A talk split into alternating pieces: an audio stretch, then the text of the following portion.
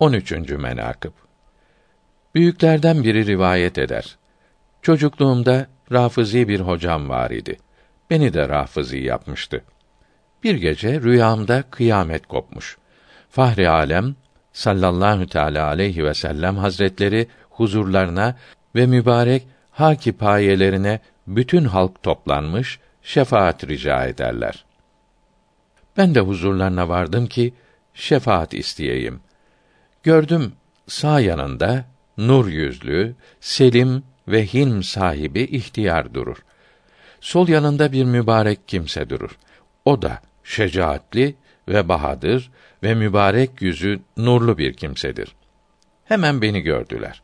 Dediler ki: Ya Resulallah, bu adam bizden ne ister ki her gün bize dil uzatıyor? Biz bu adama ne yaptık? Resulullah sallallahu teala aleyhi ve sellem hazretleri mübarek elini uzatıp beni tutmak istedi. Ben kaçtım. Bu ızdırab ile ve bu korku ile uykudan uyandım.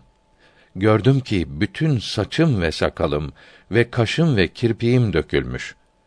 Dört ay dışarı çıkamadım.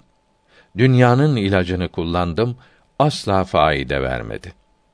Bir gün dostlarımdan biri beni görmeye geldi. Benim halimi sordukta ben de ahvalimi olduğu gibi anlattım. O da dedi ki: Sen meğer Resulullah sallallahu teala aleyhi ve sellem hazretlerine salavat getirmekten habersizsin. Birkaç gün salavat-ı şerife getirmeye devam eyle ve eshab-ı güzin Rıdvanullahi aleyhim ecmaîn hazretlerine deruni dilden, kalpten muhabbet eyle. Yaptığın kabahatlere tövbe ve istiğfar eyle. Ümid edilir ki kısa zamanda bu beladan kurtulup halas olursun. Hemen ibrik getirtip abdest alıp sonra iki rekat namaz kılıp halis niyet ile ettiğim işlere nadim olup tevbe ve istiğfara meşgul oldum.